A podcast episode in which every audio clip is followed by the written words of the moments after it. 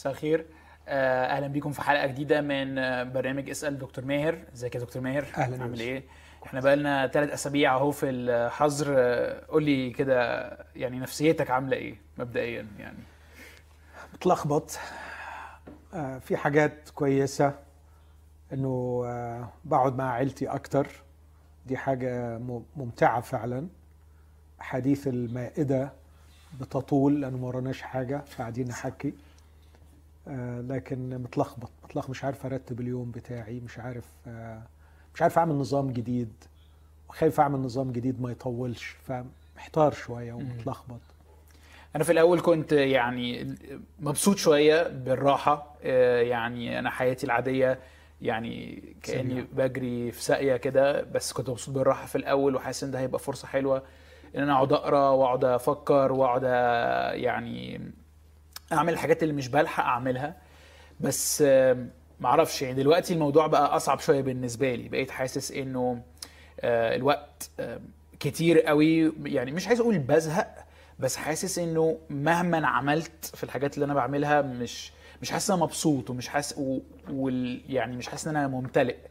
فعايز أبتدي معاك من الحتة دي. يعني إحنا دلوقتي في الأول اتشجعنا حاولنا نشجع أنفسنا إنه دي فرصة حلوة للمراجعة فرصة حلوة للراحة فرصة حلوة للفكر فرصة حلوة للقراءة.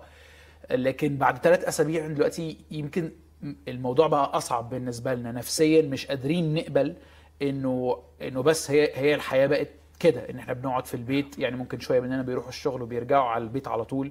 آه، وكمان ال- الأخبار أو التوقعات إنه اللي إحنا فيه ده ممكن يطول كمان. مخلي الموضوع آه، أصعب و... فممكن ألاقي مش بس نفسي زهقان بس كمان متوتر رغم إنه مفيش حاجة بتحصل. مظبوط. فيعني نتعامل مع المشاعر دي إزاي ونفكر فيها إزاي؟ يعني أنا ال- اللي بفكر فيه بخصوص الحلقة دي بالذات منطلقا من المشكلة اللي إحنا بنعاني منها آه، هو فكرة الامتنان. بدأ يبرز عندي بشدة آه، تفكير جديد في موضوع الامتنان. يعني كنت بحكي مع صديق ليا فبقول له زمان في الزمن الجميل لما كنا بنسلم وبنبوس ونحضن بعض. يعني آه، ففي أشياء آه، بسيطة للغاية كنا مستمتعين بيها آه، ما عرفناش قيمتها إلا لما فقدناها. فبدأت أفكر في إن شاء الله ربنا يرفع الغمة دي ونعود. هل سيكون لدي تقدير أكبر لهذه الأشياء التي فقدتها. إن أنا يبقى عندي خدمات إن أنا يبقى عندي شغل إن أنا يبقى عندي ناس بقابلهم إن أنا بستمتع بالزيارات بال- بالقعدات مع الأصدقاء. إن إحنا نخرج كفاميلي نروح مطعم بتاع يعني هذه ال- الأشياء البسيطة اللي ما كناش بنمتن بسببها. آه، فبفكر جديا إنه لازم أراجع نفسي من جهة الأمر ده. الأمر الثاني إنه في حاجات اضطررت اضطرارا آه، إن أنا أجربها. في الوقت الحالي ويمكن ما كانش عندي وقت أعملها. وبرضه دي أنا ممتن بسببها زي آه، آه، مثلا لما بقول إنه أحاديث المائدة دايما بنقعد على العشاء خلاص بنقعد نحكي لأنه مفيش حاجة آه، تتعمل. فمشغول قوي بالامتنان اليومين دول وإزاي أطور في نفسي آه، توجه الامتنان إذا جاز لي أن أسميه توجه يعني. okay okay.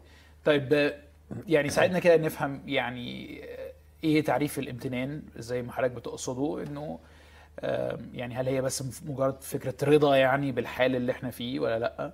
وهل في يعني يعني قصص كتابية أو أساس كتابي عايز تستخرج منه المفهوم ده يعني؟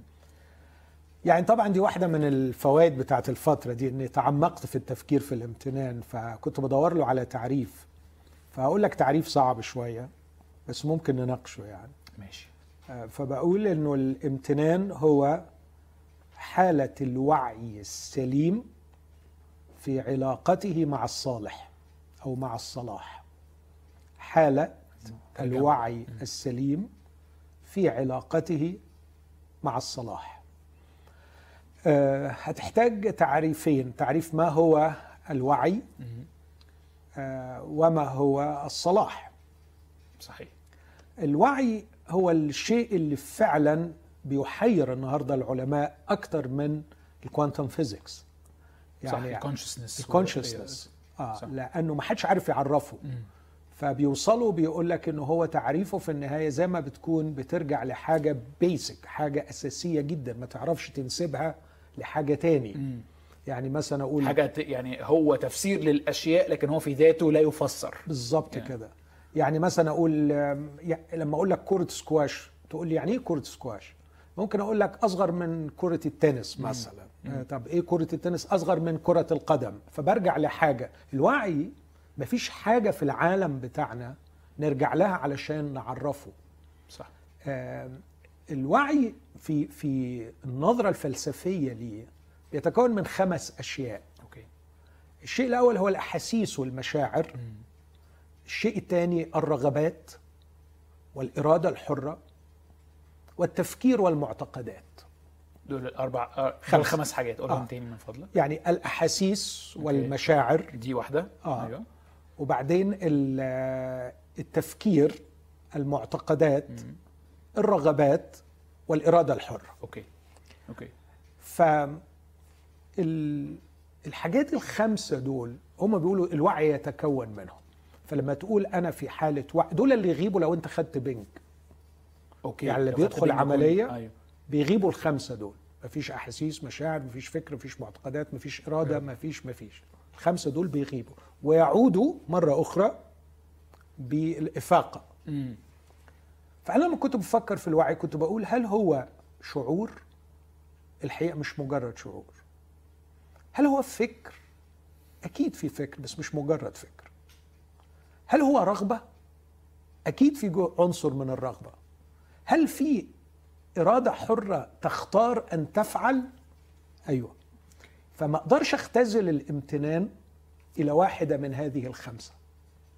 عشان كده سميته هو وصفي لحالة يكون فيها الوعي بأكمله عندما يدخل في علاقة مع الصلاح. أوكي. يعني لو أنا لو أنا فاهم لحد دلوقتي لسه هحتاج تفسير كمان الوعي بيأثر في آسف الامتنان بيأثر في وعينا بالكامل فهيأثر في مشاعرنا وعواطفنا هيأثر في افكار هيأثر في أفكارنا ورغباتنا ومعتقداتنا. ومعتقداتنا وإرادتنا الحرة بالظبط. مع مع تعديل بسيط في اللي أنت بتقوله يوسف إنه مش بيأثر فيهم هو إفراز لهذا الوعي يعني هو إنتاج لواحد عنده معتقدات سليمة عنده أفكار سليمة وعيه في حالة صحية سليمة فهذا الوعي عندما يدخل في علاقة قوية مع الصلاح تبرز حالة الامتنان يتلون الوعي.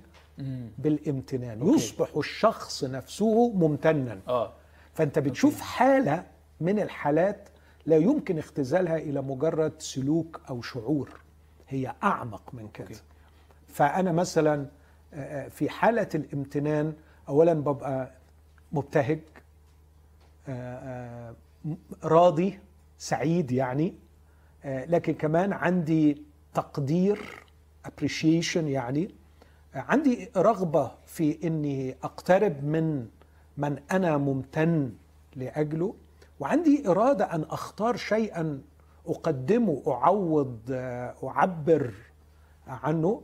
وهذا لا يمكن ينفصل عن معتقداتي عن هذا الشخص وعن الفعل الذي فعله معي الذي جعلني ممتنا. يعني الامتنان ده نتيجة يس بتظهر في الخمس أوجه دول. Yes. كل لما أقرب من الصالح أو الصلاح أو يبقى عندي الصلاح. علاقة. مع الصلاح. آه مع الصلاح. أنا دي بقى مش فاهمها. يعني آه. إيه بقى الصلاح ده؟ إيه؟ ال goodness ال- الخير آه، و- وأكيد الخير لا يمكن أن تجده abstract تجده مجرد. لكن الخير دائما مرتبط بشخص. فالخير لا يعني نجمعه من الهواء. لكن الخير نقابله نلتقي به في الأشخاص. okay. وأعظم شخص فعلا هو الصلاح المطلق هو الله. فكل ما كان وعي سليم وبلتقي بالصلاح المطلق اللي هو الله أمتلئ بحالة من الامتنان. okay. طيب السؤالين بقى اللي عندي دلوقتي أنا عارف حضرتك لسه عندك كلام تاني تقوله بس يعني نمرة واحد هل أي حد عنده علاقة مع الله عنده امتنان؟ ده نمرة واحد. ونمرة اتنين هو إيه فايدته؟ يعني ال gratitude أو ال gratefulness ده إيه فايدة لأنها مش حاجة أنا عمري ما سمعت وعظ عن الموضوع ده يعني فمش مش عندي مش عندي حتة في الحصالة عندي أعرف أحطه فيها وأقول أه ده ده مكانه. يعني أنا بوعظ كتير عن الامتنان أوكي. بس يعني اليومين دول بفكر فيه بشكل علمي وفلسفي أكتر شوية أنت سألت سؤالين هل كل شخص له علاقة مع الله آه، لديه هذه الحالة؟ أعتقد أن الأمر يعتمد على معتقداتك عن الله.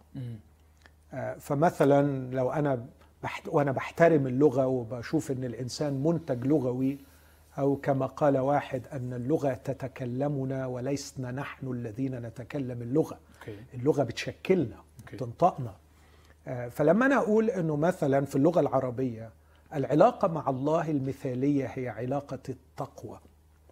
الكونوتيشن ال- التع... ال... الإحساس اللي جاي من وراء التقوى في اللاهوت المسيحي آه، شعور من ال... ال... الاندهاش والرهبة لله والإعجاب والاجلال والإكرام.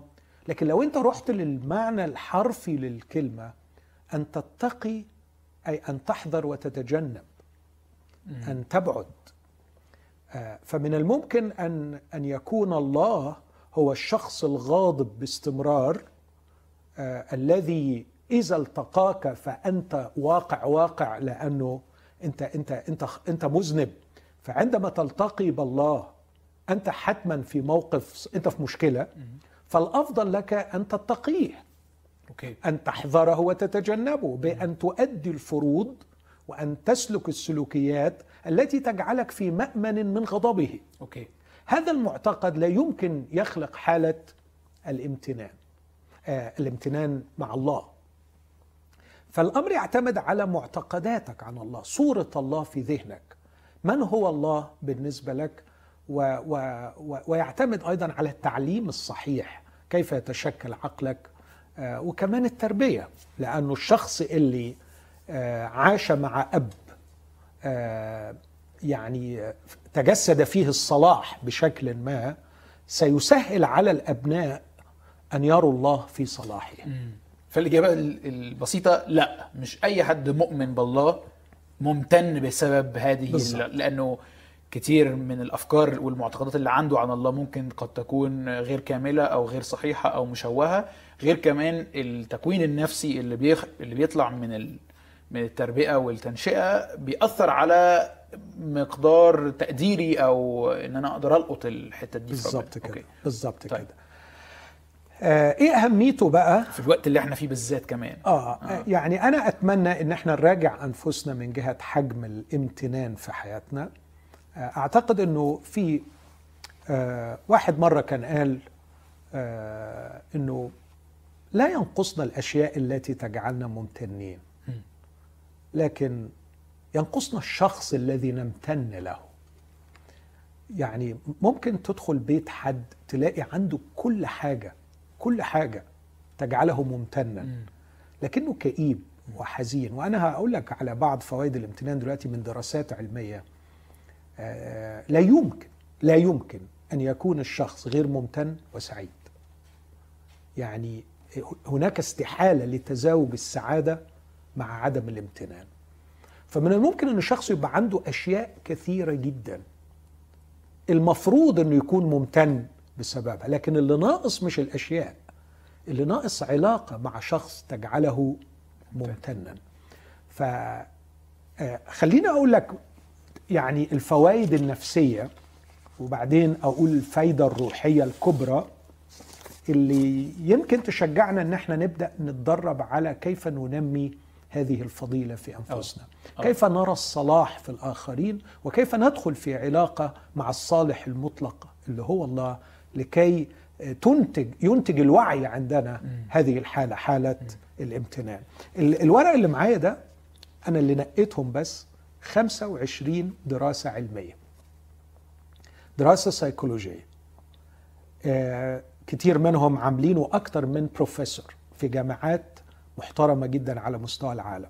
وفي كتب كتيرة اتكتبت عن الامتنان. ال 25 دراسة دي بت- بتدرس بيقعدوا بالسنتين والثلاثه على عينة البحث يدرسوا إيه فوائد الامتنان إيه مخاطر عدم الامتنان okay. فلو قلت لك بس بسرعة إنه الحتة اللي قلتها لك مثلا دي دراسة عاملها واحد اسمه Emmons وده من ال pioneers في الدراسات دي آه وده أستاذ في جامعة كاليفورنيا آه أستاذ psychology professor إنه مجرد إعطاء خمس دقائق يوميا لتسجيل الأشياء التي يمكن أن نمتن من أجلها يزيد من سعادتنا على المدى الطويل بنسبة تفوق 10% يعني خمس دقائق بس تقعد تكتب فيهم كم حاجة أنت من الممكن أن تكون ممتن لأجلهم في خير في حياتك آه، يجعلك المفروض تكون ممتن وتكتبهم.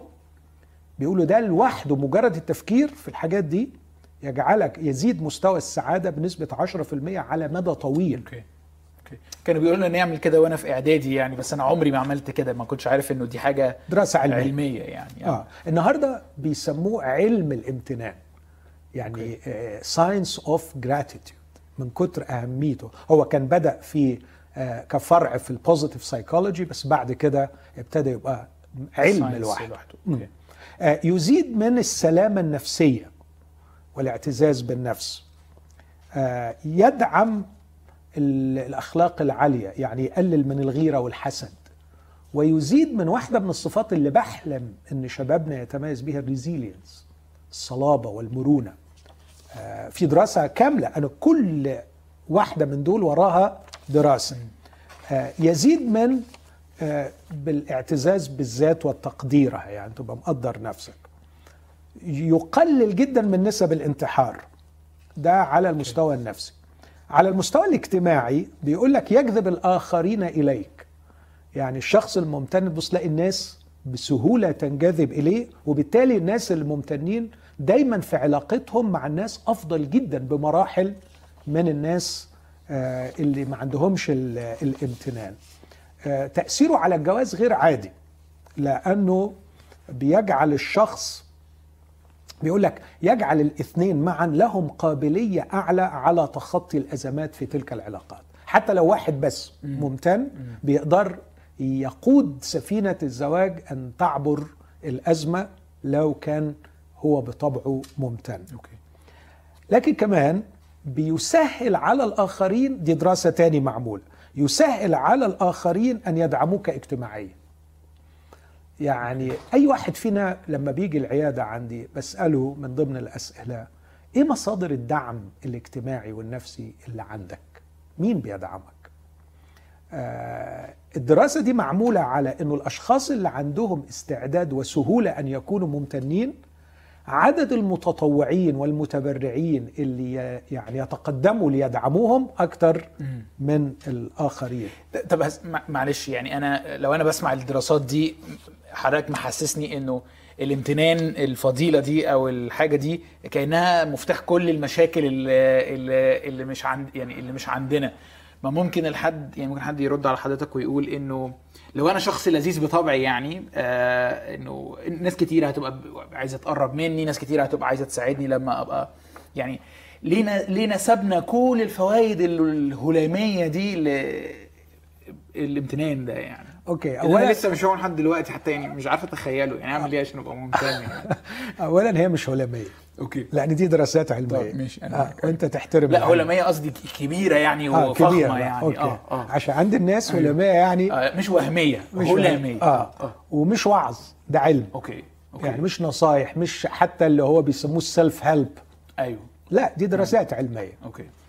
آه لما بتقول إنه حد لذيذ في آه، على فكرة كتير قوي من اللذاذ دول بيبقوا narcissistics يعني أشخاص نرجسيين ويجذبوا الناس حواليهم لكن to abuse ده يعني ممكن يكون لذيذ ودمه خفيف والناس بتتلم حواليه لكن يتبسطوا بيه في القعدة. بس بعد كده في المواقف الصعبة الشخص ده ما ما يصمتش. الشخص ده ما يقدرش ينجح جواز مثلا. يعني هو لذيذ جدا في الشلة لكن ما يعرفش يشيل عيلة. لكن إحنا بنقول الامتنان بيزيد المرونة والصلابة بيزيد القدرة على تخطي الأزمات. آه، فالامتنان وعشان كده أنا عايز أركز على الامتنان ولما هقرأ لك من الكتاب المقدس هتحس إنه مش مجرد فضيلة أخلاقية. okay. وإلا كنت سميته لما عرفته إنه فضيلة أخلاقية لكن أنا عرفته إنه حالة الوعي السليم في علاقته مع الصلاح.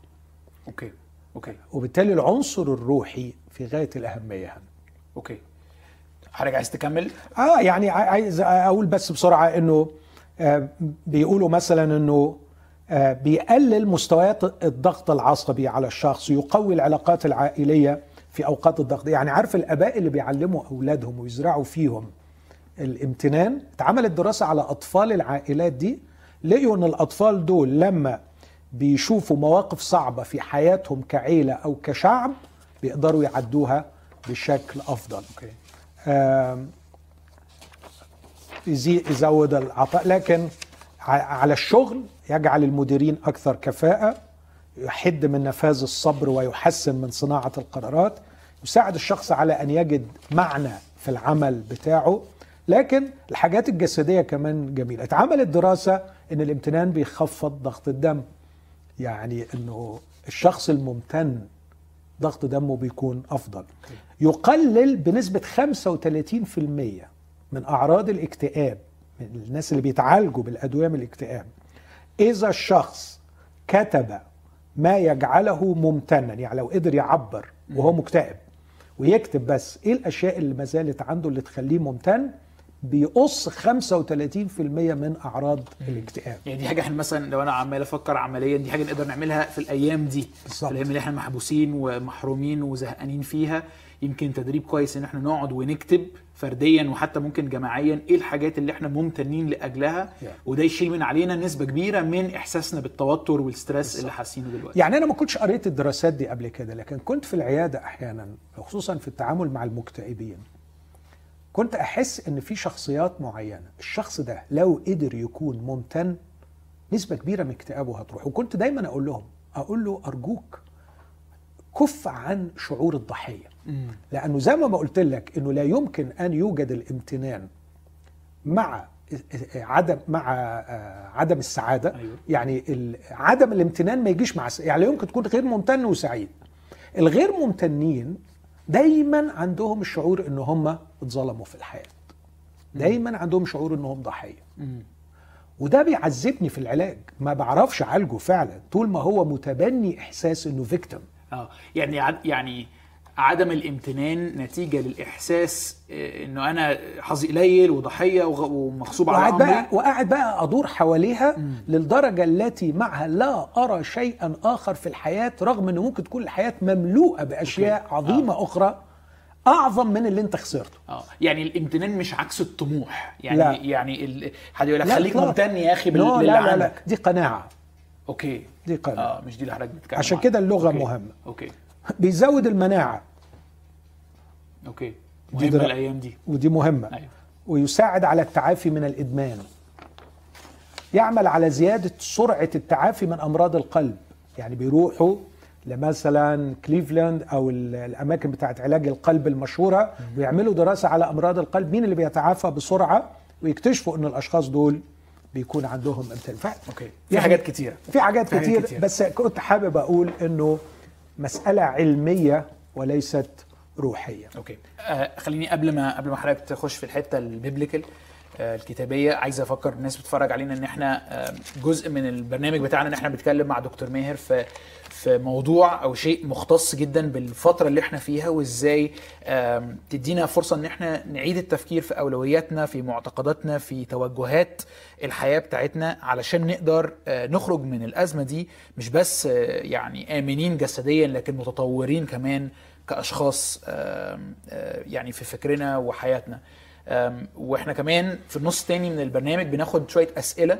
آه، إحنا عاملين لينك هيظهر على الشاشه اسمه سليدو. تقدر تخش على على على ال link ده وتشوف الأسئلة اللي الناس الأخرى سألتها. وكمان تكتب سؤالك. كل ما الأسئلة تاخد votes أكتر كل ما نسبه آه، إن إحنا يعني نجاوبها بتعلى. ففي حاجات هناخدها ليها علاقة بموضوع الامتنان بس كمان في أسئلة عامة ه- يعني هنتطرق إليها مع دكتور ماهر. okay. دكتور ماهر هسألك سؤال ومعرفش هل ال- الحتة اللي هتقرانا من الكتاب آه، هتساعدنا ولا لأ. حضرتك اتكلمت إنه الامتنان حالة مش فضيلة أخلاقية والحتة دي سنة آه يعني خوفتني. ليه؟ لأن الفضيلة الأخلاقية أستطيع أن أتدرب عليها لكن الحالة Yeah. أوصل لها إزاي؟ برافو. ده آه. ده سؤال رائع. أنا قلت إنه ده تعريف إجرائي يعني أنا بجتهد. أيوة. لكن ممكن يطلع تعريفي فيه عيوب. ما فيش مشكلة بس بفكر. عشان كده قلت إنه حالة الوعي السليم في علاقته مع الصلاح. فممكن أتدرب عليها لكن لازم أكون حاطط في اعتباري إنه لابد من وجود علاقة. وعشان كده قلت لك المثل بتاع إنه من الممكن أن الشخص يكون يملك كل شيء يجعله ممتنا لكن لا يجد الشخص الذي يمتن لأجله صعب قوي يا يوسف تتكلم عن امتنان بدون شخص مم. صح. يعني ممتن كده وخلاص ممتن للفضاء يعني مش ممكن. آه. آه، ال- جمال وقوة الامتنان أن تكون في علاقة مع الصلاح مم. الصلاح متجسدا في شخص أوكي و و وده روعة العلاقة مع الله فاظبط علاقتك بالله واظبط معتقداتك عن الله أو على الأقل يا أخي شوف الصلاح في الآخرين اللي أنت في علاقة معهم وحاول أنك تقدر الصلاح قدر الخير الذي فعلوه معك. okay. آه، اغرس أنا أؤمن إنه التدرب علاقاتيا والتدرب على الامتنان مع الآخرين يعني يشتغل both way ده يساعدني في علاقتي مع الله وعلاقتي مع الله تساعدني على هذا الأمر. okay. okay. آه، الجزء اللي حابب اقراه من روميا واحد والحقيقة الرسالة دي هتفضل طول عمرها بتبهرني في تقدمها. على فكرة الدراسات اللي أنا قلتهم ال 25 دول كلهم بعد 2010 يعني دي دراسات حديثة جدا. بس بص بولس الرسول وهو بيرصد مأساة المجتمع البشري. روميا واحد هو من وجهة نظري آه، يمكن معاه أصحاح تاني اللي هو مرقس سبعة أكتر أصحاح وصف الحالة المزرية التي صار عليها الجنس البشري. عارف لما بتسمع كلمة الفساد الفساد الفساد ال ال ال العنف والشراسة والنجاسة يعني أدي لك مثل النهاردة كنت بقرأ إحصائية. إحنا مرتبكين كل الربكة دي إن كوفيد 19 قتل من من 1 يناير ل 31 مارس 50 ألف مم. في نفس الفترة دي في 10 مليون إجهاض تموا في العالم 10 مليون قتل لأطفال. تم في هذا العالم آه، كم الشر وكم الفساد وكم النجاسة وكم البعد عن كل شيء أخلاقي جميل كم الطحن في بعض وكم المنافسة وكم هذا الشر وصفه بولس ب 23 صفة في روميا واحد. وبدأها بكلمة مملوئين من كل إثم وزنا وشر وطمع وخبث مشحونين حسدا وقتلا وخصاما ومكرا وسوءا نمامين مفتريين مبغضين لله متعظمين ثالبين نمامين مفتريين مدعين مبتدعين شرور لستة من 23 صفة. هذا الكلام يا يوسف صادق مئة في المئة. ووضع الرأس في الرمال وعدم الإقرار بالحقيقة جهالة وحماقة. هذا هو واقع الجنس البشري. الرسول لما وصف الحالة دي عمل اناليسس تحليل هي جت منين المصيبة السوداء دي؟ هو ليه الجنس البشري جراله اللي جراله ده؟ فلو طلعنا لفوق هو كان بادي بأنه بيقول يا جماعة أنا وهبت حياتي للكرازة بالإنجيل. طب ليه بتكرز بالإنجيل؟ يقول لأنه هو قوة الله للخلاص. قوة الله للخلاص من المصيبة اللي إحنا فيها دي من الواقع المأساوي للإنسان. أنا بسميه المأزق الأخلاقي والعلاقاتي الإنساني الحالة اللي إحنا فيها دي. آه طب ليه أنت بتقول أنه الإنجيل المسيح هو الحل للمشكلة دي؟ قال لك لأنه ده اللي هيعمل المصالحة مع الله لأن الإنسان في حالة خصام وعداوة والله غضبان. فغضب الله معلن من السماء على جميع فجور الناس وإثمهم. ده عدد آه 19 وده يدي لك فكرة عن موضوع غضب الله إنه غضب الله معلن من السماء في كل التاريخ البشري مش بس لما جت الكورونا. هنجيله هنجيله الموضوع ده عشان آه. شائك لحد دلوقتي. آه. آه. يعني يعني لما بولس بيقول غضب الله معلن من السماء لما بيسمي الناس آه، المؤمنين في إفسس 2 يقول وكنا بالطبيعة أبناء الغضب كالباقين أيضا. فبيتكلم عن غضب الله باعتباره حالة مستمرة وليس مجرد التدخل بالقضاء في وقت معين. okay. فنميز ما بين الغضب المعلن والقضاء اللي بيتم. أوكي. آه، فهذا الغضب الغضب معناه إنه الله غير راضي عن حالة البشر بالشكل ده. الله رافض تماما ومشمئز تماما ولا يمكن ابدا أن يتسق مع هذا الواقع ال- الأخلاقي اللي بقيوا فيه بني البشر. okay. فالسؤال اللي بي بيجي وبولس توقعه وجاوب عنه طب هم ليه البشر وصلوا للمصيبة دي؟ هل لأنه ما عرفوش الله؟ هل بسبب الإلحاد؟ قال لك لا. لا لأنه لا توجد معرفة لله ولا لأن الناس أنكرت وجود الله. لكن قال كلمة غريبة جدا يقول لأن معرفة الله ظاهرة فيهم لأن الله أظهرها لهم لكنهم لما عرفوا الله لم يمجدوه أو يشكروه كإله بل حمقوا في أفكارهم وأظلم قلبهم الغبي وبينما هم يزعمون أنهم حكماء صاروا جهلاء وأبدلوا مجد الله الذي لا يفنى بشبه الإنسان الذي يفنى وبعدين راحوا عبدوا الطيور والدواب والزحافات الفكرة اللي, اللي أقدر أستنتجها هنا أن الإنسان بعد السقوط وده اللي يوري لك أهمية الامتنان الإنسان بعد السقوط وفي تمركزه حول ذاته بقي غير قادر على الإعجاب والإنبهار بالله والامتنان له. فقط يشكروه دي. يشكروه. مم. يمجدوه. يبقى الشكر هنا عندهم being grateful مش بس بالظبط. انه شكرا على لا. العطايا okay. آه. إن يكون عندك هذه الحاله حالة الوعي دي okay. اللي يميزها حاجتين ال sense of أو الانبهار والاندهاش والرهبة okay. وكمان ال sense of gratitude الاثنين دول ما تقدرش تصنفهم مع بقية الفضائل وما تقدرش دول أقدر أقول أم الفضائل. الاثنين دول العمودين اللي ممكن يجي منهم كل الفضائل ان تكون لديك حالة الإعجاب والرهبة ال- أو الإعجاب الممتزج بالرهبة ال reverence الاحترام المخافة اللي إحنا بنسميها بس المخافة بمفهومها الصحيح لله.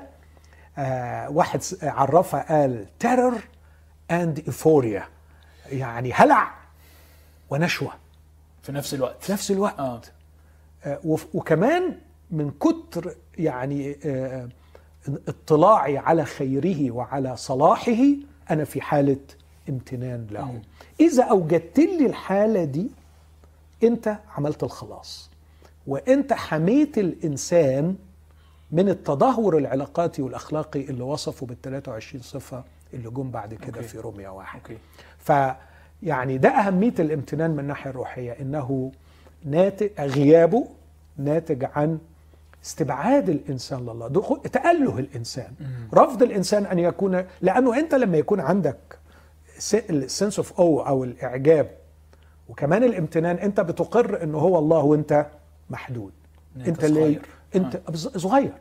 يعني واحدة من الحاجات اللي بيعرفوا بيها ال awe ده أو ال ال ال الإعجاب ال- المنبهر هي ده. ملهاش كلمة بالعربي اصل هي جاية آه. منها كلمة awesome. بالظبط. آه يعني اللي هي حاجة كبيرة قوي هي مخيفة لكن في نفس الوقت حلوة Yes. فأنت عايز تقرب منها مش بتجري منها بس في نفس الوقت لما بتقرب منها تحس. إنك صغير صغير. فتبقى بترتعش كده كأنك شفت آه، يعني بطل أحلام آه، طفولتك مثلا. face to face وحبه بس في نفس الوقت خايف تقرب منه يعني ده بالظبط آه. وأكتر حاجة تميزها كمان الشعور بالصغري امم امم okay فلما تأله بين قوسين الفأري ورغب في التأله ودمر نفسه بالرغبة في التأله.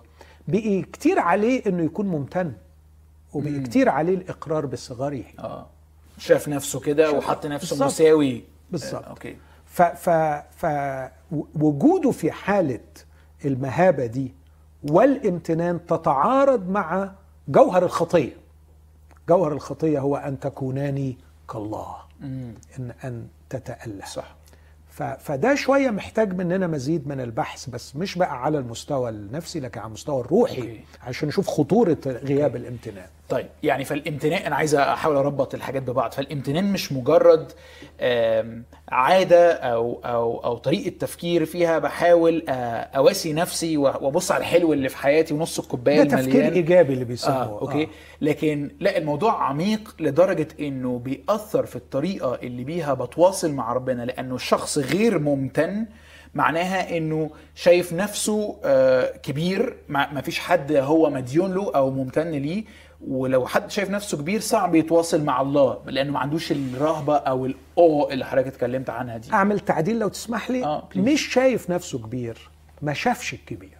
أوكي أوكي حلوة دي. ما- يعني فما فيش حد يقارن نفسه بيه. بالظبط. بالظبط. هو ما شافش كبير. أحيانا أقعد أسمع ناس خصوصا اللي عندهم إحساس الضحية و... ودايما بيدوروا حوالين نفسهم عمرهم ما كان في حد كبير مبهر طلعهم بره الدوران حوالين أنفسهم. آه، أنا أعتقد أن التقائي بالله. لكي مرة so يعني كنت بقول أن سي إس لويس بيقول أنت ممكن في في Screwtape Letters بيقول أنت ممكن تصلي دون أن تلتقي بالله. أوكي. م- فواحد سألني يعني يعني طب إزاي أعرف إن أنا صليت بس ما التقيتش بالله؟ اعتقادي أن الالتقاء بالله لابد أن يخلق هذين الحالتين. يخلق في حالة الرهبة ويخلق في شعور الامتنان.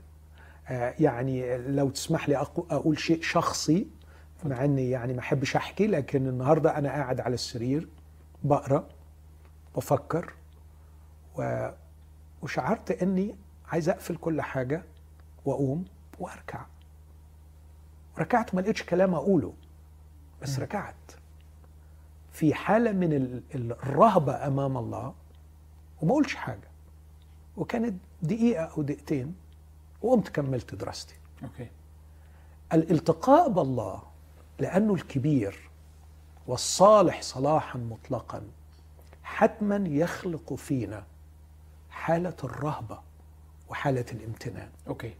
من الممكن أن نصلي من الممكن أن نذهب إلى الكنيسة ودي واحدة من الحاجات اللي ممكن نفكر فيها إنه ما عندناش كنايس نروحها دلوقتي.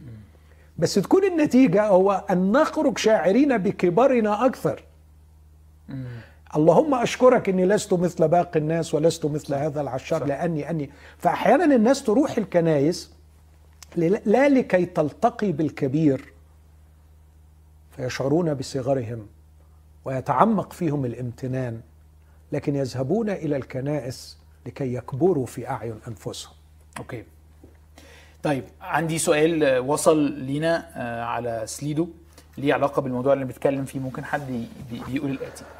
كيف يمكن كيف يمكن لي كمؤمن أن أتغلب على قضية الخوف وسط الظروف الحاضرة؟ وخليني أ- أ- يعني أزود حتة هنا.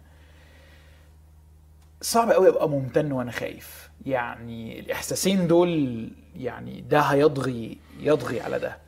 آه، بالذات لو أنا خايف من المستقبل وخايف على عيلتي وخايف على شغلي وخايف على يعني إزاي أقدر أبقى ممتن في في- عمليا بقى في وسط يعني في مواجهة الظروف اللي إحنا فيها دلوقتي؟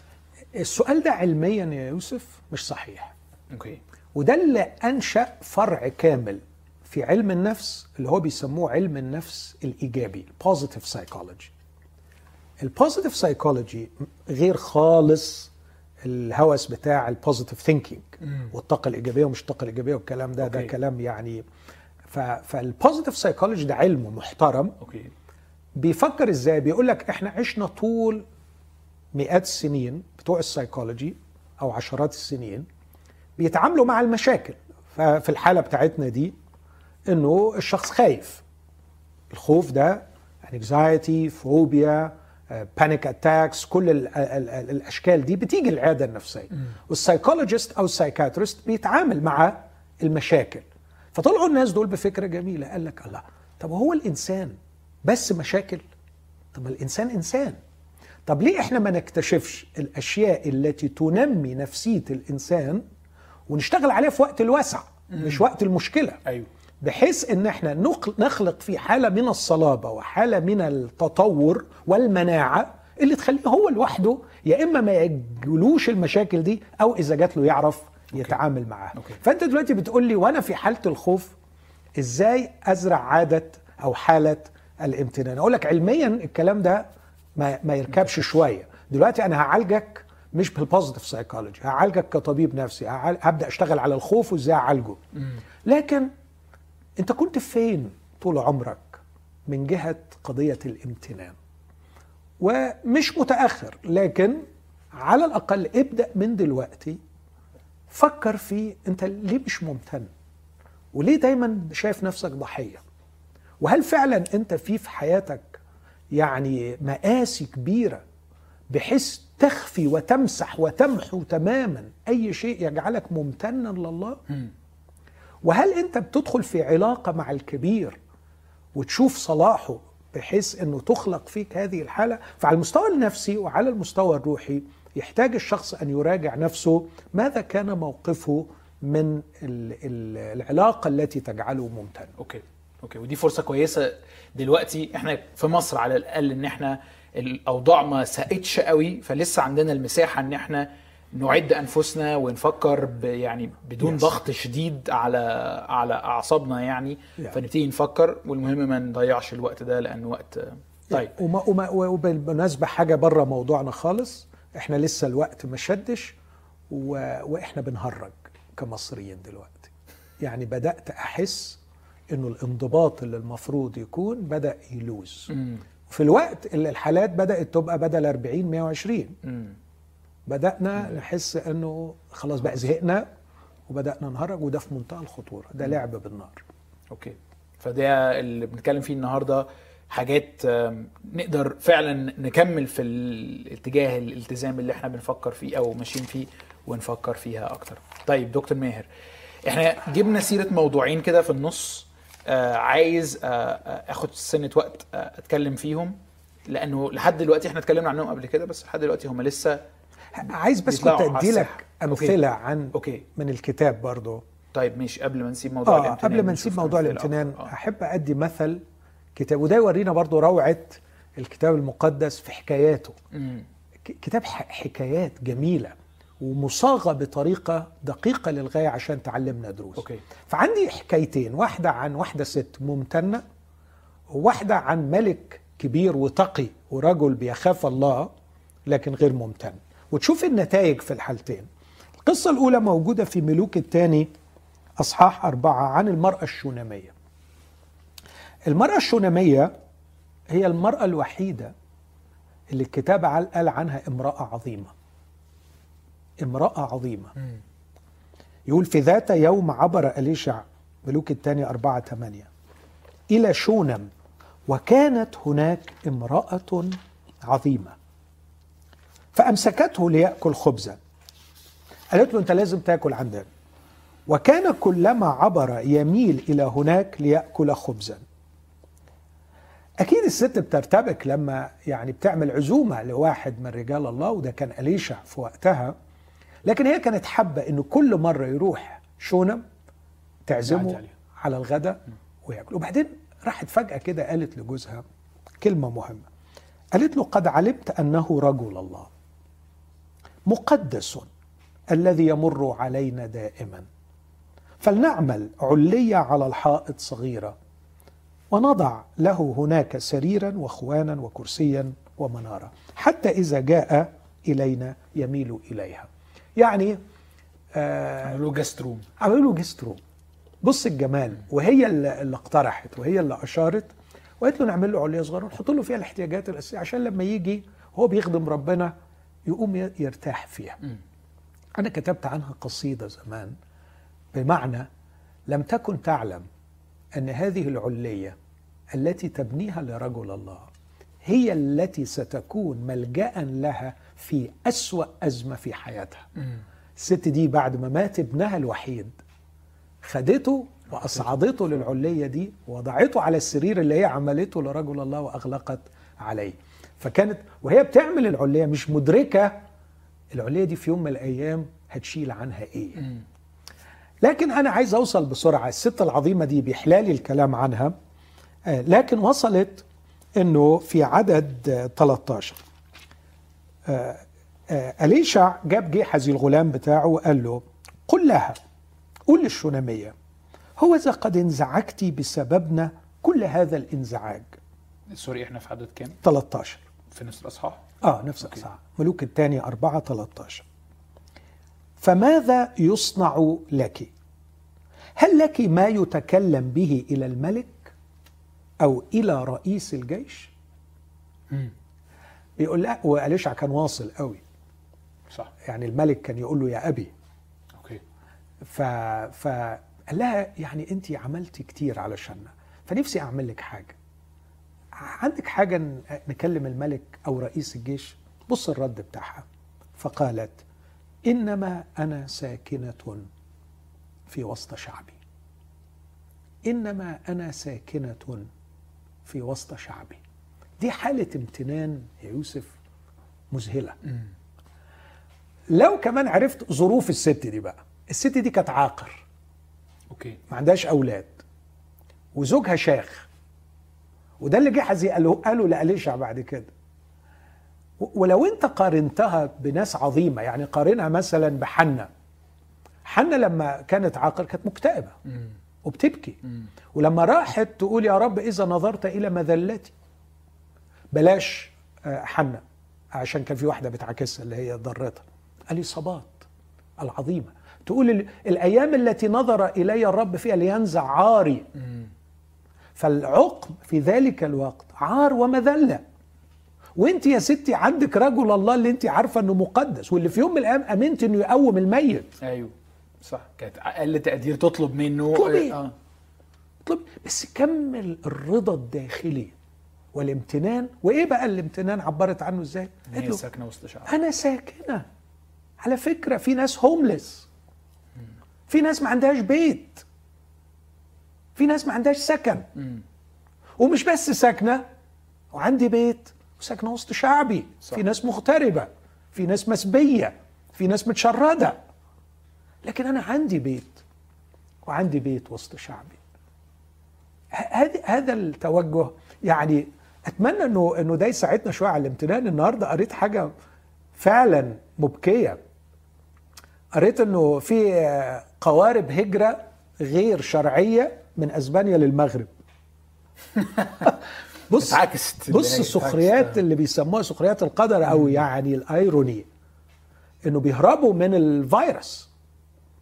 الن- الن- النهارده ال ال يعني في ناس إيطاليين بيعملوا مشروع في الصومال بيطلبوا من الحكومة الصومالية يمددوا لهم الإقامة في الصومال.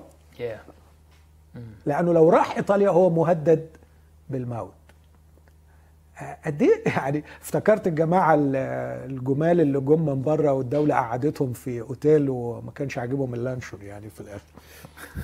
آه، فقالت إنما أنا ساكنة في وسط شعبي.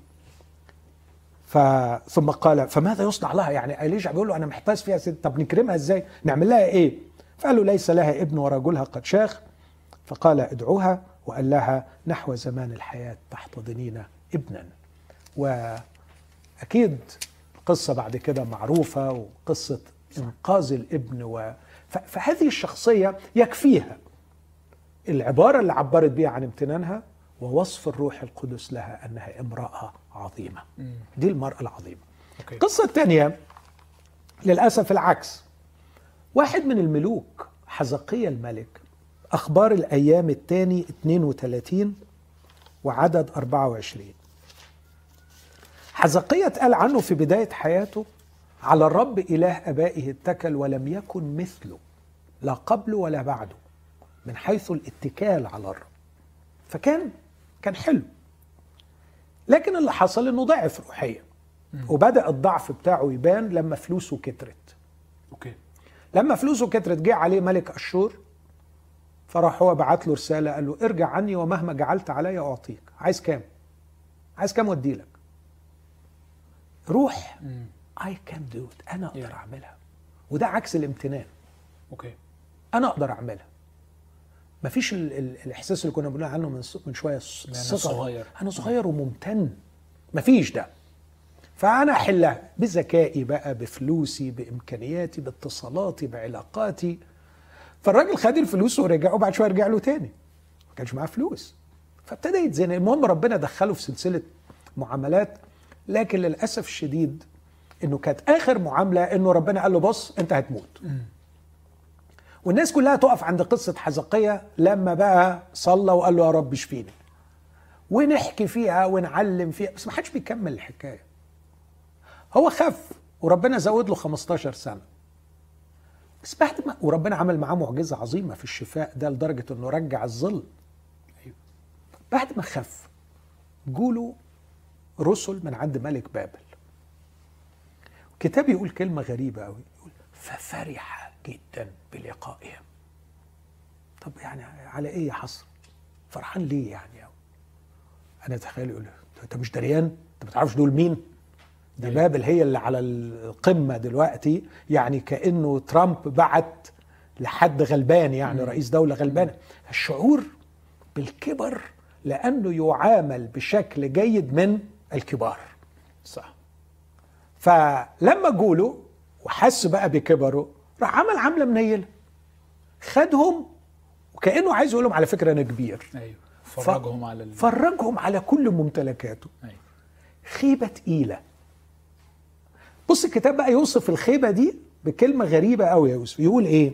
في عدد 24 في تلك الأيام مرض حزقية إلى حد الموت وصلى إلى الرب فكلمه وأعطاه علامة بص عدد 25 ولكن لم يرد حزقية حسبما أنعم عليه لأن قلبه ارتفع.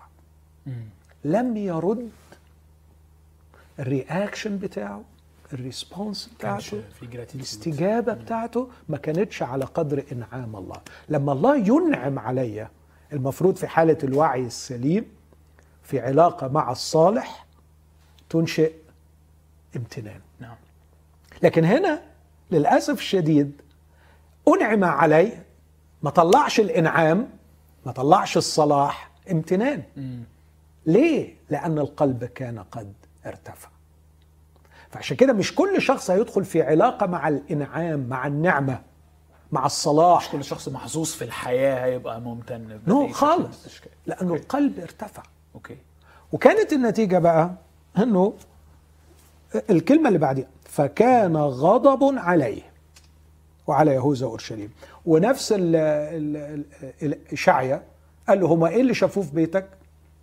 قال له شافوا كل حاجة مفيش حاجة ما وريتها لهمش قال له مفيش حاجة تقعد أيوه ده اللي حصل وقت السبي بعد كده إن. جم بقى أخدوا كل الحاجات اللي هم بالظبط كده. اللي هو وريها لهم فشيء شيء يعني مخيف وشيء بديع. شيء مخيف إن إحنا ما نكونش ممتنين.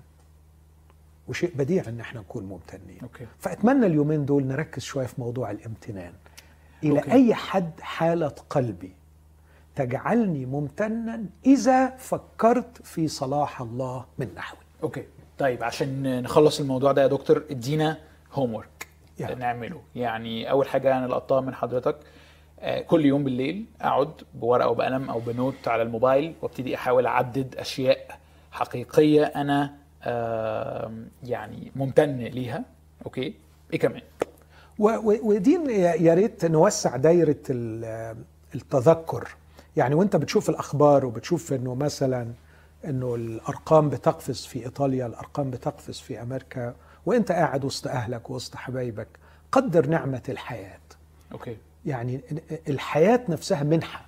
النهارده إحنا مقدرينها. امم والمفروض نقدر منحة الحياة. okay. إنك نعمة الصحة نعمة الأولاد اللي حواليك.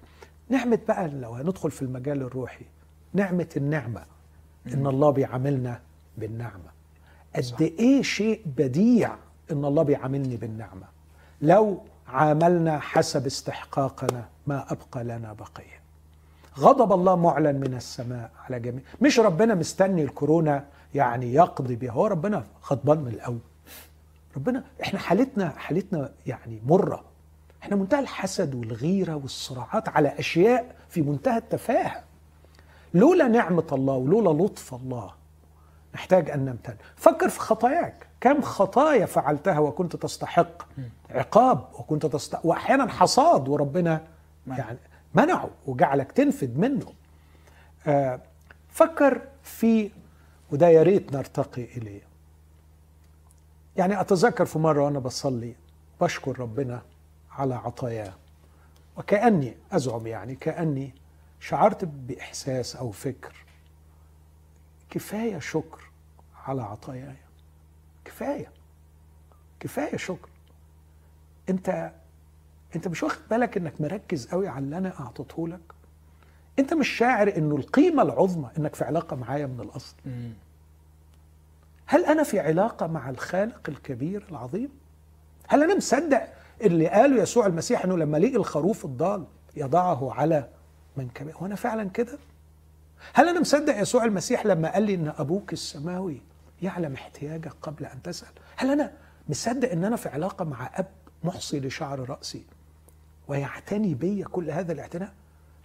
بلاش يعتني يا أخي مجرد إن أنا في علاقة مع هذا الشخص ده انت لو في علاقة مع حد كبير في البلد ما حدش بيبقى عارف يكلمك. صح. هل إحنا عندنا ال theology الحقيقي يعني بقى مش اللي بنوعظ بيه بقى لكن ال theology اللي مشغلنا في الحياة ال theology اللي بيبقى معايا بالليل وقبل ما انام ال theology اللي بيتحكم في أفكاري السرية اللاهوت اللي اللي والمعتقدات اللي بتحكمني وأنا لوحدي عن الله. أنا في علاقة مع الله؟ لو انت في علاقة مع الله أعتقد إنه يعني هذه أعظم نعمة تجعلك فال فلستة الامتنان دي محتاجة تتسع من آه، أشكرك عشان آه، الإنترنت وعشان في أكل وكده إن أنا أشكرك إني ابن إني ابنة إنك قبلتني بالنعمة إنك شايفني آه، أحسن مما من وضعي الحقيقي. يعني أبتدي أفكر في علاقتي بقى بربنا كمان وهو عمل إيه لأجلي وشافني إزاي. يوسف يعني- مؤمنين كتير بيفترضوا أو شايفين إنه ربنا غفر لنا خطايانا دي كأنها حاجة يعني آه ما يعني مم. ما أنا شغلتي اخطي وهو هو شغلته يغفر يغفر. يعني عارف ه- سميها إيه دي؟ آه. سماجة. يعني ليه؟ جليطة جليطه يا ابني غفر لك غفر لك. فاكر الست لما اتغفر لها؟ عملت إيه؟ مم.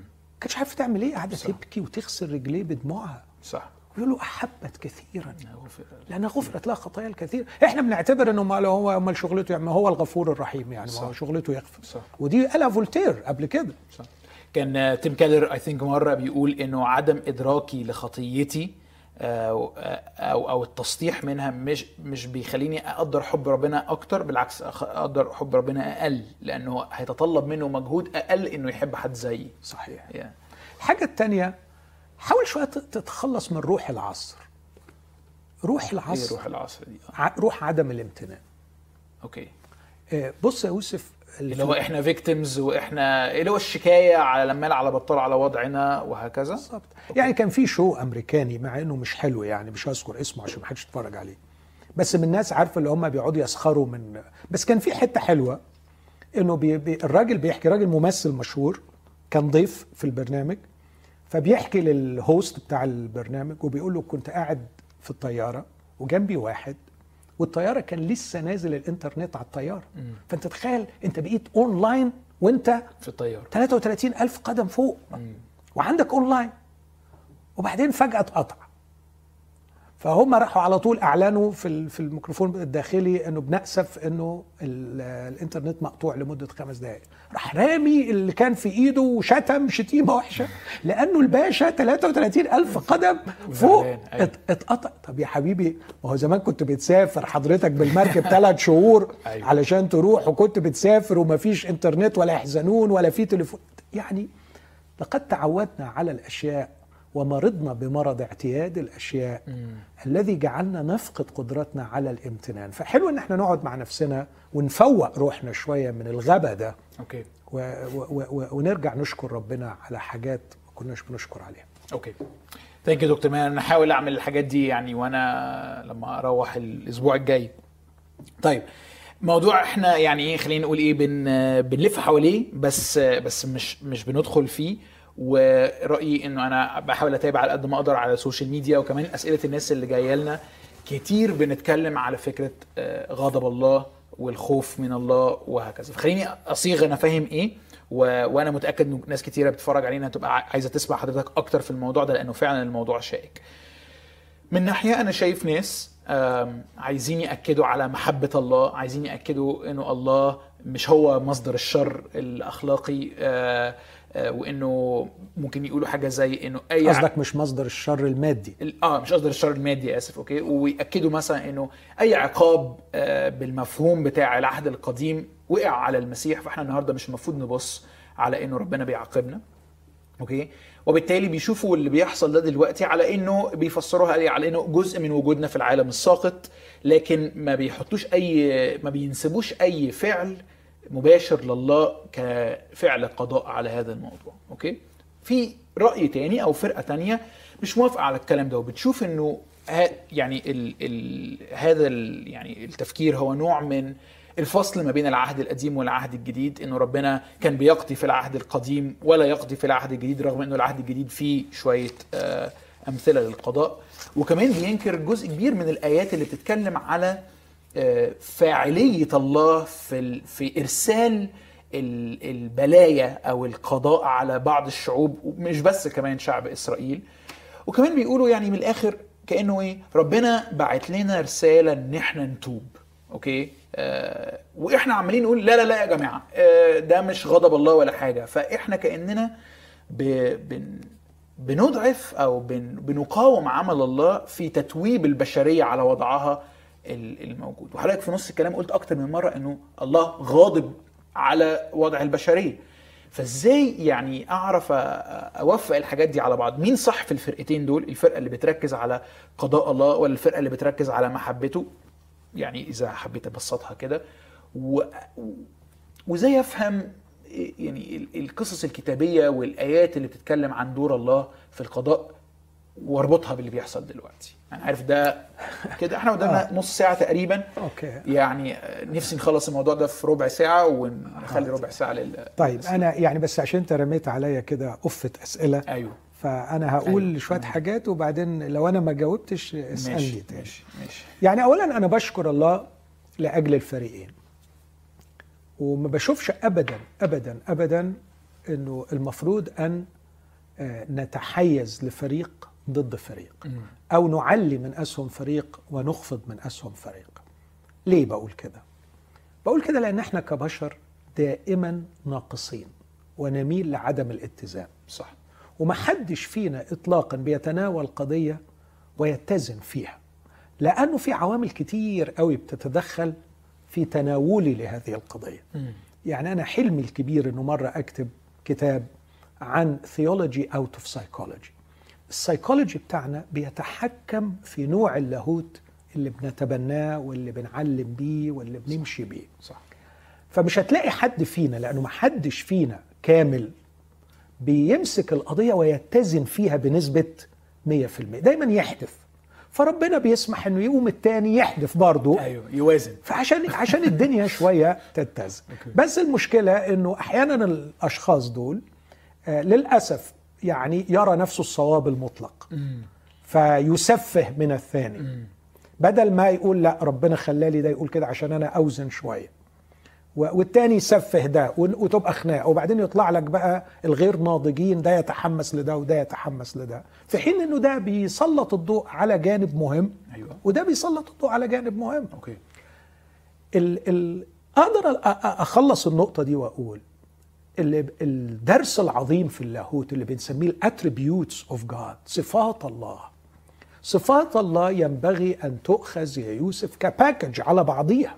ما ينفعش اطلاقا اطلاقا أتكلم عن الله مركز على جانب من الاتريبيوتس بتاعته من الصفات بتاعته أو الفضائل الإلهية وأهمل الجانب الثاني صح. علي أن أركز على الله ككل. طب فين المكان الآمن؟ اللي أشوف فيه الله ككل. هو الكتاب المقدس. ماشي. بس الاثنين بيستخدموا صح. وأنا عشان كده أقول اسمع ده واسمع ده وروح للكتاب. أوكي. روح للكتاب وسيب نفسك لقصص الكتاب. وهتلاقي نفس القصة اللي بتكلمك عن غضب الله ودي عظمة الكتاب. هتكلمك عن محبة الله. من أول صفحات الكتاب يا يوسف لغاية آخر صفحة في الكتاب. خليني أدي لك مثل بسيط جدا. من فضلك. لو قلت أنه أسوأ مشهد في التاريخ البشري هو يوم تمرد الإنسان وعصيانه وسقوطه واختياره أن يتأله. يعني ممكن ده ينرفزني أنا على المنظر. أنت عملت إيه؟ أنت إيه اللي بتعمله؟ ف واسمع بقى الله. اسمع الله الغاضب. تكثيرا أكثر أتعاب حبلك. بالوجع تلدين أولاد. ويروح لادم ملعون الأرض بسببك. إيه- إيه، أنت إيه اللي عملته؟ شوكا وحسكا تنبت لك فتلاقي الغضب والقضاء الإلهي. لأنك تراب وإلى تراب تعود. وبعدين في نفس الأصحاح يا يوسف وصنع الرب الإله أقمصة من جلد وألبسهما. وأنا بتخيل المنظر ده حرفي. إن هو اللي بيلبسهم. أب واحدة من أكتر الأشياء اللي كنت أستمتع بيها مع أطفالي وهم صغيرين إن أنا ألبسهم مستمتع إن أنا البسه فأنت تلاقي قمة الغضب وقمة الحنان الاثنين مع بعض. لو الكتاب كبير عليك والقصص كتيرة عليك روح ليسوع المسيح. وفي شخص اقرأ الأناجيل الأربعة. الله معلن في وجه يسوع المسيح. هو صورة الله غير المنظور الله أشرق الذي قال أن يشرق نور من ظلمة أشرق في قلوبنا لإنارة معرفة مجد الله في كل الأتريبيوتس بتاعته في وجه يسوع المسيح. روح اتأمل في يسوع.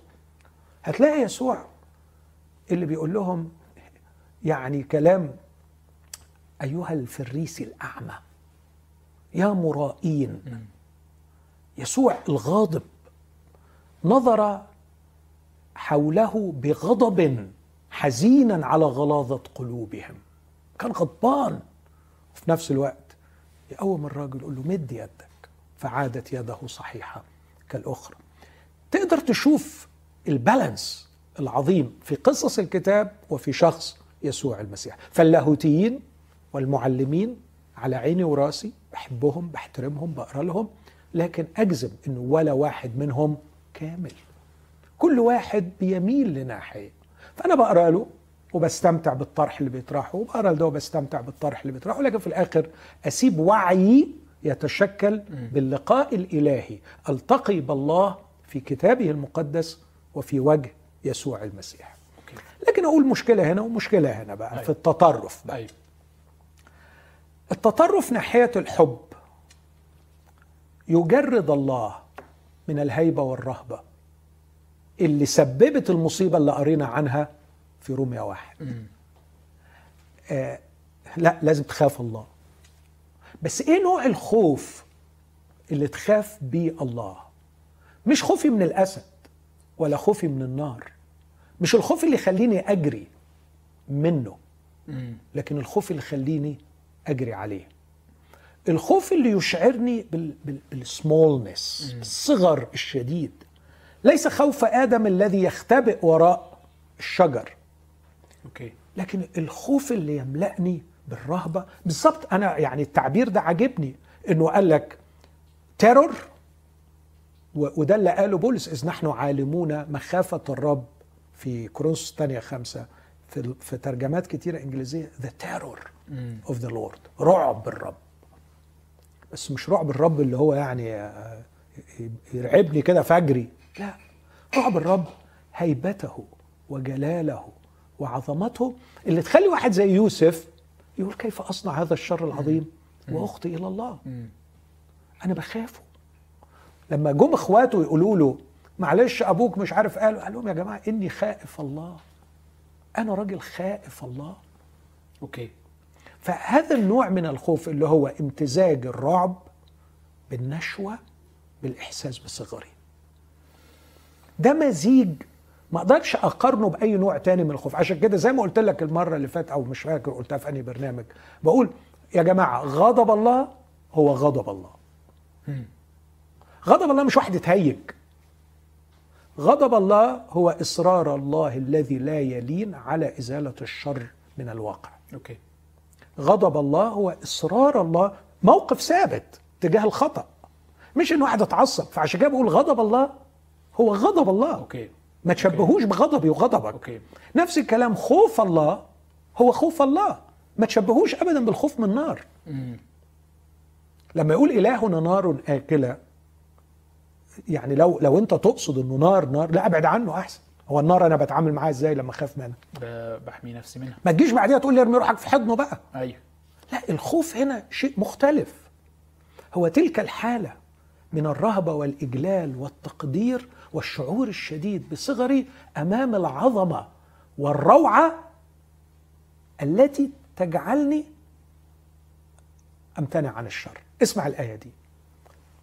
مخافة الرب ينبوع للحيدان عن أشراك الموت.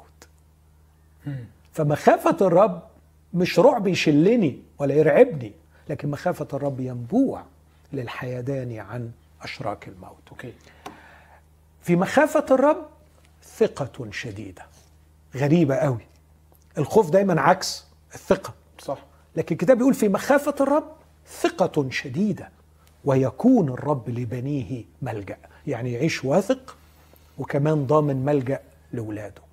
فنوع من الخوف ما ينفعش التعبير عشان أنا بستعمل نفس الكلمة وده قصور اللغة البشرية لازم آخد المصطلح من الكتاب. يعني إيه خوف الرب؟ في يعني الكتاب يعني حضرتك بتميز ما بين النوعين من الخوف علشان لو حد جه سألك إزاي نروح لربنا من دافع الخوف انت عايز تقول له لا ده مش زي الخوف من النار أو الخوف من العقاب أو من كورونا. أو من كورونا لكن ده خو... مخافة الرب اللي هي فيها حاجة إيجابية بشوف فيها حجم الله وحجمي واحتياجي ليه وإدراكي ليه. أنا يا يوسف لو عايز أنشئ فيك مخافة الله حاليا عمري ما هكلمك عن إنه على فكرة هي هيجيب ويحط هيجي لك ويحط فيك وهيعمل وهيسوي. آه. لكن هحاول آخد وقتي معاك بحياتي وبوقتي أكلمك عن attributes of God صفات الله فضائل الله. أحكي لك قصص تبين من هو الله. هتكون أنت في النهاية ممتلئ بحالة الإعجاب والرهبة من okay. الله. okay. مش إن أنا أخلق فيك حالة من العداوة. أو ال أو لأنه لما لما أقعد اخوفك خوفك منه أنت ممكن اسهل حاجة تعمل إيه؟ أبعد عنه بس ممكن حد يرد على حضرتك ويقول ما لا ما في ناس ممكن ده ينفع معاها وتتوب عن الغلط اللي هي بتعمله حلو ده هجي لها في الناحية الثانية okay. بس على الأقل التطرف هنا أن الكلام عن محبة الله فقط لطف الله فقط رحمة الله فقط وإن أنا أشيل طبعا اللي يقول إنه ما فيش عقاب الله ما بيعاقبش يعني سامحني ما درسش كويس. أوكي. يعني في العهد الجديد بلاش العهد القديم. في العهد القديم أما أعاقب أنا أما أعاقب أنا أما أعاقب أنا فكلمه عقاب دي كتير قوي في العهد القديم. في العهد الجديد لما يتكلم عن الرب يسوع تسالونيك الثانية أصح واحد يقول عن الأشرار سيعاقبون بهلاك أبدي. من من من وجه الرب سيعاقبوا يعاقبوا بهلاك أبدي. آه، لكم أنتم الذين تتضايقون رحمة.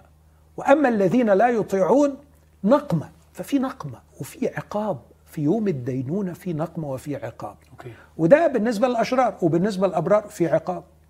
حنانيا وسفيرة كان في عقاب. لا كمان كورنثوس الأولى أصح 11 الناس المستهترة واللي بتعيش صح. الحياة الروحية. بعضهم رقدوا. قال لهم لو حكمنا على أنفسنا لما حكم علينا لكن قد حكم علينا نؤدب من الرب لكي لا ندان مع العالم. ومن أجل. ذلك فيكم كثيرون مرضى وكثيرون يرقدون. صح. فحضرتك بتساوي هنا في اللحظة دي العقاب بالتأديب. يا. يا. أوكي.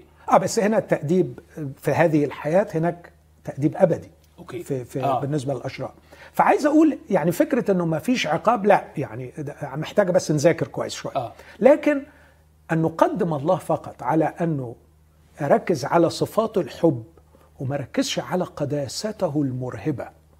وعلى جماله وعظمته وسلطانه. اللي هي قلت من الأول ال package ال attributes على بعضيها هي دي اللي تخلق المخافة الصحيحة. فتجاهل الكلام عن بقية صفات الله والتركيز فقط على الإله المحب دي بتعمل إله مطاطي طري لطيف بسيط جميل آه يعني زي جني علاء الدين. أوكي.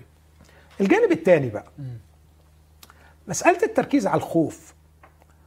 أي نوع من البشر هؤلاء الذين سينتجهم الخوف؟ وهل هذه النوعيات من البشر التي ستتوب فقط بسبب الخوف هي نوع الكائن الذي يصر الله بأن يساكنه إلى أبد الآبدين؟ هل الكائن اللي جاي لربنا بس بس لأنه بص أنا سمعت عنك إنك بتودي الناس الجحيم. وإنه في هلاك أبدي في الجحيم. وأنا بصراحة مش عايز الحتة الصعبة دي. فأنا عايز أنت بيقولوا عندك بيت حلو كبير اسمه السماء وأنا عايز لي حتة فيه. فأنا بصراحة عايز الحتة دي. الشخص ده أتخيل أستنتج بقى. الحقيقة نجح وراح السماء اللي تلزمه السماء مش إله السماء أوكي. هو لم يتطور ليكون نوع الشخص الذي يعشق الله يجري على الله يحب الله. هو مش النوع ده هو نوع عايز السماء. أنا كتير لما بقدم المحاضرة عن السماء والجحيم وأنت تعرف كده بقول ليه كتاب ما اداناش تفاصيل عن السماء وتفاصيل عن الجحيم؟ لأن الله لم يكن يقدم لنا حالتين يرغب أو يرهب بإحداهما لكن كان يقدم لنا نفسه. الله مش بيقول أنا عندي سماء وعندي جحيم. هتمشي كويس هدي لك السماء هتمشي غلط هدي لك الجحيم. الله بيقدم نفسه. تعالوا إلي أنا. فرسالة الخوف اللي بتركز على الخوف لن تنتج الأشخاص الذين يحبون الله ويسكنون في علاقه معه. لكن من الممكن إنه الخوف ينفع في حاجات تاني.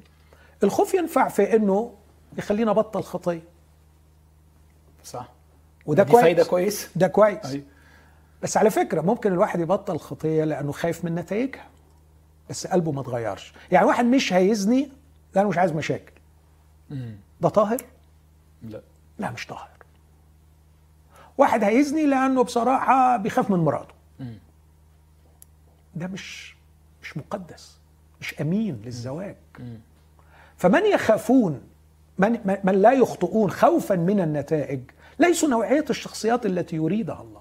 أكيد هيتجنب مشاكل بس مش نوع صح. الشخص. صح عشان كده الرب يسوع كان يقول يعني إيه من نظر امرأة ليشتهيها قد زنا فيها في قلبي لأنه الفكرة هنا بقى ما بقتش في التوابع لكن بقت في التوجه القلبي بتاع الشخص. ولما ب- بسأل سؤال واحد مثلا يقول لي أنا اشتهيت في قلبي؟ وخلاص أنا أنا أنا يعني ما دام اشتهيت في قلبي خلاص بقى ما أنا خطي خطي. فاعك بقى. فأقول له لا يا حبيبي هنا بقى هننقل من نوع الشخص إلى نتائج الفعل. لا نتائج الزنا الحرفي غير نتائج الزنا في القلب. مم. دي, طبعا. دي ليها نتائجها طبعاً. ودي ليها نتائجها طبعا. ده انت لكن نوع الشخص هو هو. أوكي. ف- فرسالة التخويف اللي تخلي الواحد يبطل الخطية عندي يعني تساؤلين من ناحيتها. ما هو نوع الشخص الذي ستنتجه؟ والحاجة الثانية هل مجرد الامتناع عن الخطية خوفا من نتائجها هي دي القداسة وهي دي الطهارة وهو ده الشفاء اللي ربنا عايزه؟ آخر حاجة أقولها في النقطة دي إنه من الممكن إنه تبدأ التوبة نتيجة الخوف. أو دي حاجة كويس. آه. آه. لكن التوبة ليست مجرد الامتناع عن الفعل الخطأ التوبة هي تغيير الفكر الرابط وراء الفعل الخطأ يعني إيه؟ يعني مفهومنا عن التوبة إنك تبطل الغلط. وده مفهوم مش مسيحي. لأن كلمة توبة في اليوناني metanoia وال meta beyond لما نقول metaphysics. beyond ال physics beyond المادة. فال metanoia نويا العقل وراء العقل. وراء العقل هناك معتقدات وهناك أفكار وهناك وهناك أشياء هي التي تدفعك ناحية الخطأ.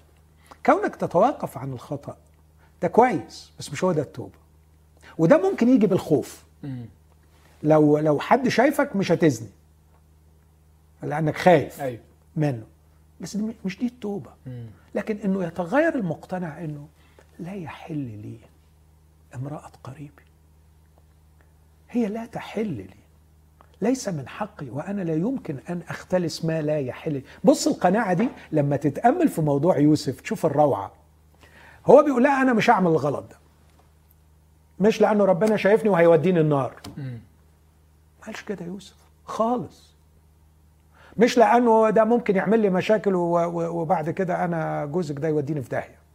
لا على فكرة هو عدم فعلك ال- ال- الغلط هو اللي هيوديك في داهية يا يوسف. أيوه بالظبط. آه قال ما عنديش مشكلة. بس بص القناعة اللي قد اهو ده بالظبط اللي أقصده إن الميتانويا أو التوبة ليست تغيير الفعل التوقف عن الفعل الخطأ لكن تغيير العقل الرابط وراء الفعل الخطأ. هو قال لها إيه؟ لما كل يوم بتكلمه كل يوم بتقول له فقال لها هو ذا سيدي. دفع كل شيء ليدي. ولم يمنع عني شيئا إلا أنت لأنك امرأته. فكيف أصنع هذا الشر العظيم؟ مم. القناعة بتاعتي إن أنت لا تحلي لي. أنت مش بتاعتي. أيوه. أيوه أنا أكيد لو نمت معاك استمتع. وهتبسط. بس ما أقدرش لأنك مش بتاعتي. okay. بص القناعة هنا يعني يوسف ما بيقولش أنا اصل عبد الرب وخائف الرب وأنا ما أحبش أغلط وأزني وأنجس نفسي وأروح في no no no no قناعة إنك لا تحلي لي okay إحنا ما قدمناش وقت كتير بس عايز أحاول أوصل لحتة عشان أنا عارف دايما في الآخر الناس عايزه تسمع مننا رد واضح صريح أنا بقى ما بديش الردود الواضحة أيوة. أيوه. الصريحة دي أنا بدي الناس أفكار وأرجوكم يشغلوا عقلهم طب أنا هحاول أشغل. عقلي وقول لي صح ولا غلط من ناحية استعجالي وأقول إنه الكورونا هي ليست غضب من الله لأن الله لا يغضب ولا يعاقب لكنه محب. ده خليني أقول إنقاص من صورة الله وجعله إله مطاطي بدون أي نوع من أنواع المخافة. بالعكس ده خطر جدا على حياتي وعلاقتي معاه لأنه بيكبرني قدامه وهكذا. بس في نفس الوقت تسرعي إني أقول إنه الكورونا هي غضب من الله وطريقته في تتويبي عن الشر قد يردعني عن الشر الأخلاقي لكنه لن ينتج فيا الشخص اللي ربنا فعلا عايز يقيم علاقة معاه. إيه رأيك في. موافق. طب الحمد لله. موافق. كويس. بس أضيف حتة إنه على فكرة عايزين نفكر في غضب الله بالصورة أعم لأن غضب الله معلن طول الوقت. مش بس في زمن كورونا. okay. okay. وعلينا أن نكرس في كل وقت لأن غضب الله معلن. هو بولس بيقول لست أستحي بإنجيل المسيح لأنه قوة الله الخلاص لأن فيه معلن بر الله بإيمان لإيمان. وبعدين يقول لأن غضب الله معلن من السماء يعني إحنا بنكرس بالإنجيل لأن في غضب. والغضب هنا معناه إيه بقى اللي معلن آه. طول الوقت ده؟ بالظبط إن الله زعلان. الله زعلان من الفساد آه. اللي في العالم. وأنا قلت إحصائية من شوية. قلت من 1 يناير ل 31 مارس 50 ألف ماتوا بالكورونا. و- وفيهم أبرار وأتقياء و... وناس يعني قديسين. صح. بس في م- 10 مليون أكثر من 10 مليون. 56 مليون طفل بيجهض كل سنة. يعني أنت بتتكلم حوالي 14 مليون طفل من 1 يناير لغاية 31 هو, هو ليه ساعتها ما قلناش إن ربنا غضبان؟ اشمعنى على الكورونا قلنا ربنا غضبان؟ ده دي تحسها فعل الإنسان لكن ده بيسموه act of God الكورونا ده. إحنا فاضل لنا دقيقتين يعني. طب وال cancer؟ اللي اللي بيجتاح بياخد م- بلاش يا أخي ال cardiovascular disease مرضى القلب. ملايين ماتت من 1 يناير لغاية النهارده. فغضب الله معلن من السماء في كل وقت. آه، لكن حلو أن نستغل هذا الوقت زي ما قلت اركع وفكر وقعد التفكير في خطر قريب منك. okay. انت ممكن تفقد حياتك دلوقتي. okay. يعني. يعني أظن إن المشكلة دايما راجعة فعلا إن أنت تحاول تجاوب عليها بسهولة وبسطحية. يا إما هي كده يا إما هي كده رغم ان هي ولا سهلة تقول عليها إن هي مجرد غضب وقضاء من الله ولا هي مش كده. هي هي حاجة صعبة وربنا عايز يعلن عن غضبه عن حالاتنا الروحية وعايزنا نرجع له بس مش عايزنا نرجع له عشان بس نبطل أخطاء لأجل توابعها. وبسبب الخوف من الجحيم. آه لكننا عاي- عايزنا نرجع له هو عشان نحبه ونبقى ممتنين ليه و... و... وقريبين منه وندرك صغارنا قدامه فيبقى عندنا الهيبة دي. طيب. خلصوا البعض بالخوف مبغضين حتى الثوب المدنس من الجسد مش ارعبوا الناس لكن الخوف إنك تبقى مقدر هول المسؤولية أوكي. اللي عليك فتبغض حتى أنت الثوب المدنس من الجسد شكرا دكتور ماهر. عايز يعني أعتذر لأي حد كان متوقع إنه آه، الأسئلة اللي أنتوا تبعتوها لنا هتتجاوب. النهارده ما كانش عندنا وقت. بس أظن سؤال الغضب بتاع الله وسؤال الامتنان شكلوا لنا أساس كبير قوي. آه، وإجابات مهمة على أسئلة بنصارع معاها كتير. أشوفكم الأسبوع الجاي وعلى دكتور ماهر. ميرسي دكتور ماهر على وقتك اتعلمت كتير قوي أنا النهارده. thank you حبيبي.